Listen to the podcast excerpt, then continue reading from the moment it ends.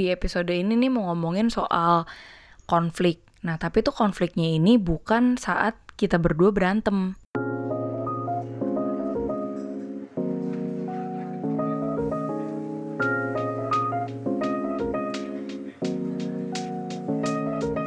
Jadi konfliknya itu sebenarnya situasi di mana kita berdua nih ya, misalnya kita lagi liburan atau ke mana lah gitu nginep sama orang tua atau sama temen. Terus karena satu dan lain hal kita sengit dan akhirnya kita jadi beda pendapat. Terkadang kan bisa disimpan tuh Hmm. kita bisa masih bisa pura-pura. Tapi kadang-kadang kita udah meledak nih. Hmm. Jadi kayak mau nggak mau kelihatan di publik entah itu ke di depan teman-teman lo atau depan orang tua lo. Iya. Pertanyaan gue adalah apakah lu tuh mendingan pura-pura aja, maksudnya ya udah kayak doing fine ke pasangan lu atau ya udah lu bahas aja masalahnya walaupun itu di depan publik.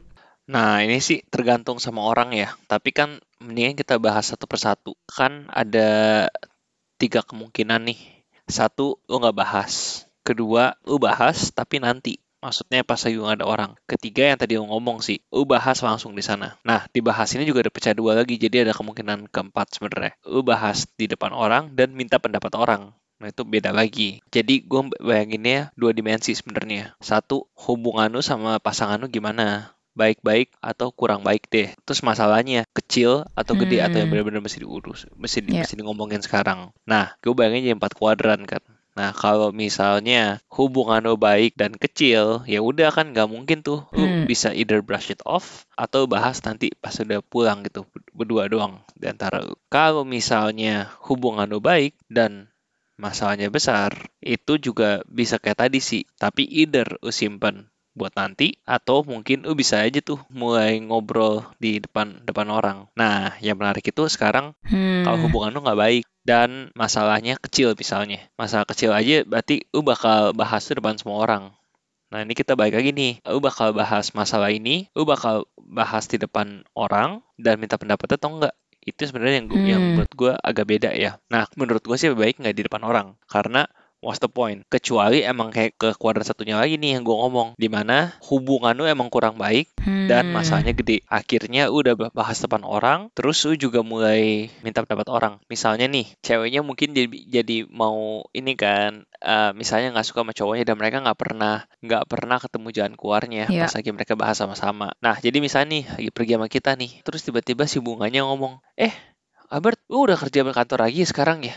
Iya, terus ngomong, oh, lu kalau misalnya ke- kerja kantor berapa sering? Oh, gua sih sem- semau gua sih, Iya. kalau butuh ya ke kantor. Dia ngomong, oh enak ya, suami gua tuh si Babon tuh nggak guna tuh. Mas, setiap hari ke kantor, nggak ada waktu, nggak ada waktu buat istrinya. Gua suruh beli sayuran aja udah Tai. nggak bisa lagi sekarang. Terus dia ngomong, menurut tuh gimana? Mendingan dia, mendingan dia resign aja kali ya. Nah, itu sih yang gue bilang agak nggak make sense ya kalau minta pendapat. Karena kalau minta pendapat tuh berarti minta tuh orang itu sebagai kayak konselor lu atau dia lu minta apa pun yang lo ngomong sebagai orang yang dapat itu itu tuh nggak ada win-win nggak ada menangnya karena dipakai dipakai satu cara lagi buat nyalain seorang yang lain kecuali emang dua-duanya mau dengar pendapat Iya bener bener bener bener bener. makanya kenapa menurut gua eh, agak nggak etis buat minta pertanyaan ke orang lain menurut pendapat mereka tentang tentang hidup lu berdua Yes. Tapi sebenarnya ya, kalau orang tua lu sendiri, kita kan datang dari keluarga yang berbeda nih, cara bicaranya dan backgroundnya. Nah, lu sendiri pernah gak sih lihat papa mama lu misalnya berantem depan lu? Atau kalau misalnya pernah, misal, tapi eh, ini situasinya lagi di publik ya, kayak situasinya lagi di luar nih,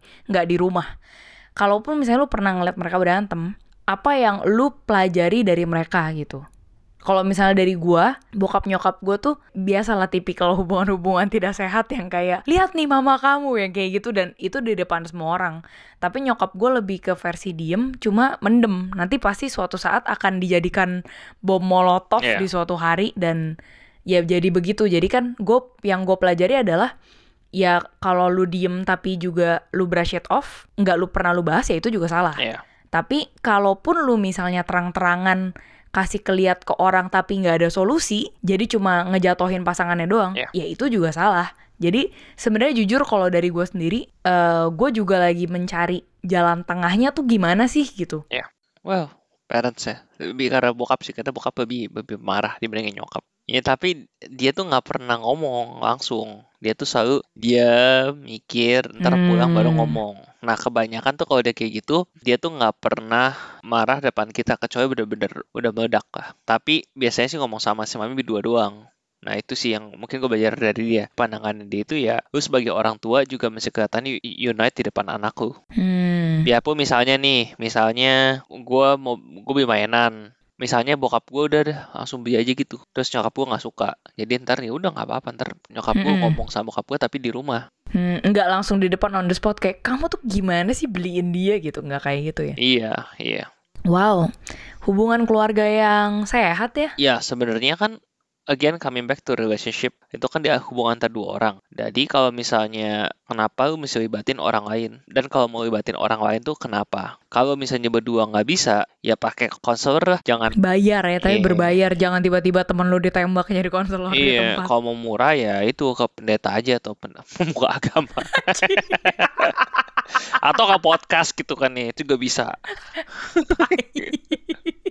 gue pikir gue udah denger serius-serius anjing juga nih orang Terus- Oke, tapi eh, kalau misalnya gue penasaran sama satu hal ini juga nih ya. Kalau misalnya lu udah nikah nih, atau misalnya pas lagi event pacaran deh, terus abis itu lu berantem, apakah itu etis untuk ngasih tahu ke orang tua lu tentang hal itu? Kan semua orang itu kan punya didikan yang berbeda kan. Dengan didikan yang berbeda, of course cara lu nge-treat relationship lu atau cara lu berkonflik sama pasangan lu juga pasti beda. Ya. Eh, keluarga gua bilangnya kalau misalnya lu masih pacaran ya kasih tau lah semuanya kalau misalnya lu lagi berantem sama pasangan lu biar ada kaca spion yang mengingatkan kayak ngebacain pattern gitu loh tapi saat lu udah nikah ya gue belajarnya dari keluarga lu jangan pernah ceritain hal itu gitu nah kalau dari lu sendiri menurut lu kayak gimana gitu loh stance bijaknya tuh sebaik apa sebaiknya kayak gimana kalau kita berdua kan udah jelas kita kan emang nggak pernah ceritain ke keluarga kan Kalau ini pendidikan bokap gua sih lebih ke arah Hmm. Kristen kan. Jadi gua ingat pokoknya ada ayat di mana lu keluar dari keluarga lu dan lu bersatu dengan pasangan lu. Nah, itu Hmm. tuh yang bokap gue selalu emphasize. Begitu udah, udah nikah, keluarga utama lu tuh bukan keluarga yang lahir, tapi ada sama pasangan lu. Yaitu ada keluarga yang baru. Nah, keluarga yang baru ini, terutama kalau misalnya masih awal ya masih fragile, meaning lu Iya. tuh mesti bangun tuh semuanya sendiri. Jangan ngarepin dari keluarga cowok atau keluarga cewek atau the other way around gitu. Karena Iya. it's a different things. Lu mesti bikin rules sendiri. Nah, kalau misalnya lu cerita ini kok ke keluarga lu, keluarga lu udah pasti ngebela lu. Dan mata Iya. Mata ipar lu kalau selalu jelek. Karena lu kan nggak kemungkinan besar cuma ceritain jelek-jelek doang. And the other way Hmm. around gitu. Dan itu juga nggak sehat. Nah terutama kalau bokap gue ngomong. Gua nggak tahu dari pengalaman pribadi atau dia ngingatin saudara-saudaranya. Dia ngomong itu yang paling bahaya. Lu itu nggak boleh cerita kalau sebagai cowok ke mama lu dan ke sister lu. Oh, Ya- menarik. ya Kalau cewek juga kayak gitu, berarti nggak boleh cerita ke lawan jenis. kalau cewek nggak boleh cerita ke bokapnya atau ke saudara cowoknya. Kenapa? Gua nggak tahu ada sainsnya atau apalah. Pokoknya bokap gua ngomong menurut dia, observation dia, bahasa tersaingin gitu. Yang sih hal simple deh, misalnya lu ngomong ke mak lu dan lu ngomong ke sister lu, waktu nikah ngomong, iya bini gua tuh masak tuh nggak enak. Kayak misalnya Oh, makanan hal kecil, ya hal hal kecil, kecil, atau ya. misalnya ya dia tuh kalau nyuci tuh pakai sunlight padahal gue maunya pakai omo gitu apa omo ya. baunya tuh beda makan setelah dicuci tuh makan nasinya jadi beda rasanya kayak hal kecil kan banget sih. nah itu tuh Itu kalau ada cowok komplain kayak gitu kesel juga sih. eh, kayak kayak hal kecil kayak gitu nah yang satu lagi berasa kayak gila men nih cewek tuh nggak nggak pengertian banget sih sama suaminya nah Hmm. and kalau misalnya cewek cerita ke bapaknya misalnya iya eh, suami saya tuh kerjanya tiap hari tuh Main Dota. kerja cuma kerja main Dota kerja main Dota rumah nggak mau diberesin. Ntar lu cerita- ceritanya ke bokap lu. Bokap lu kadang mikir kamu tuh nggak berguna. Mestinya kamu kerja baca Alkitab. Gitu misalnya. Atau apa kayak Misal, misal. kayak Apa gitu. kayak- iya kayak kan mereka punya ideal um, lu sebagai bapak punya ideal mau anak lu tuh um, menikah sama siapa. Dan itu ada punya gambaran and the other way around gitu. Sebagai mama lu punya ideal anak cowok lu tuh nikah sama siapa. Jadi itu dia ngomong. Hmm. bokap gua ngomong yang paling penting itu ya jangan nge-cross itu yang lebih bahaya Mm-mm. Make sure lu ngurusin konfliknya sama tuh orang. Jangan tuh orang nggak tahu apa-apa, tiba-tiba lu udah langsung nge-involve begitu banyak orang untuk leaning ke side-nya lu. konflik itu lebih bagus diurusin secara pribadi atau di antara dua orang karena the more people yang bakal lu involve the more complicated it's gonna be dan uh, satu satu sisi bakal justify dengan ada suara Mm-mm. yang ngomong dia setuju atau enggak tapi on the other hand kadang-kadang ada situasi di mana emang lo nggak bisa selesai itu berdua Yes. nah recommendation gue ya seek professional help yang benar-benar neutral bukan temen atau orang tua atau Atau nggak tahu ya psikolognya sepupu lu masih. Wih bagus kayak gini, lu berdua naik gokar atau naik grab, terus lu ngomong ceritanya ke sopir taksinya kayak sopir taksi kayak ya bodo amat. Ini what the fuck. Tapi itu bener-bener netral, mesti lu cari orang kayak gitu. itu netral iya, banget mesti yang kayak. Iya gitu. bener kalau mau ribut ribut dah lu, lu bayar dah tuh Gojek apa Gokar. Lu puterin aja udah. Ya gitu. Bener bener bener bener bener. Kalau misalnya deh, lu pas misalnya pasangan pasangan lu influencer, misalnya nanti si influencer ngomong, iya hubungan kita tuh baik banget biarpun kita long distance, tapi kita cari cara ketemu komit seminggu sekali, either dia ke gua atau gua ke dia, kan? Gitu bisa. nah nanti misalnya nih, abis sinca kayak abis apa gitu, misalnya kan pacaran masih anget tuh ya. Nah nanti suatu saat misalnya eh, yang perempuan sibuk ngomong, ah minggu ini nggak bisa ya. Terus yang satunya lagi ngomong minggu depannya cowoknya nggak bisa misalnya. Akhirnya dua- dua-duanya udah mengingkari janji kan. Akhirnya hubungannya renggang. Nah terus dia kasih bikin polling di ininya, di Instagramnya. Anjing bikin polling. Menurut tuh salah nggak sih kalau misalnya gue sibuk sebagai wanita, terus pasangan gue akhirnya nggak mau datang nyamperin gue? Salah nggak? Terus kayak semuanya ngomong, enggak, enggak benar, women power. No, kakak benar. kakak kakak powerful banget kakak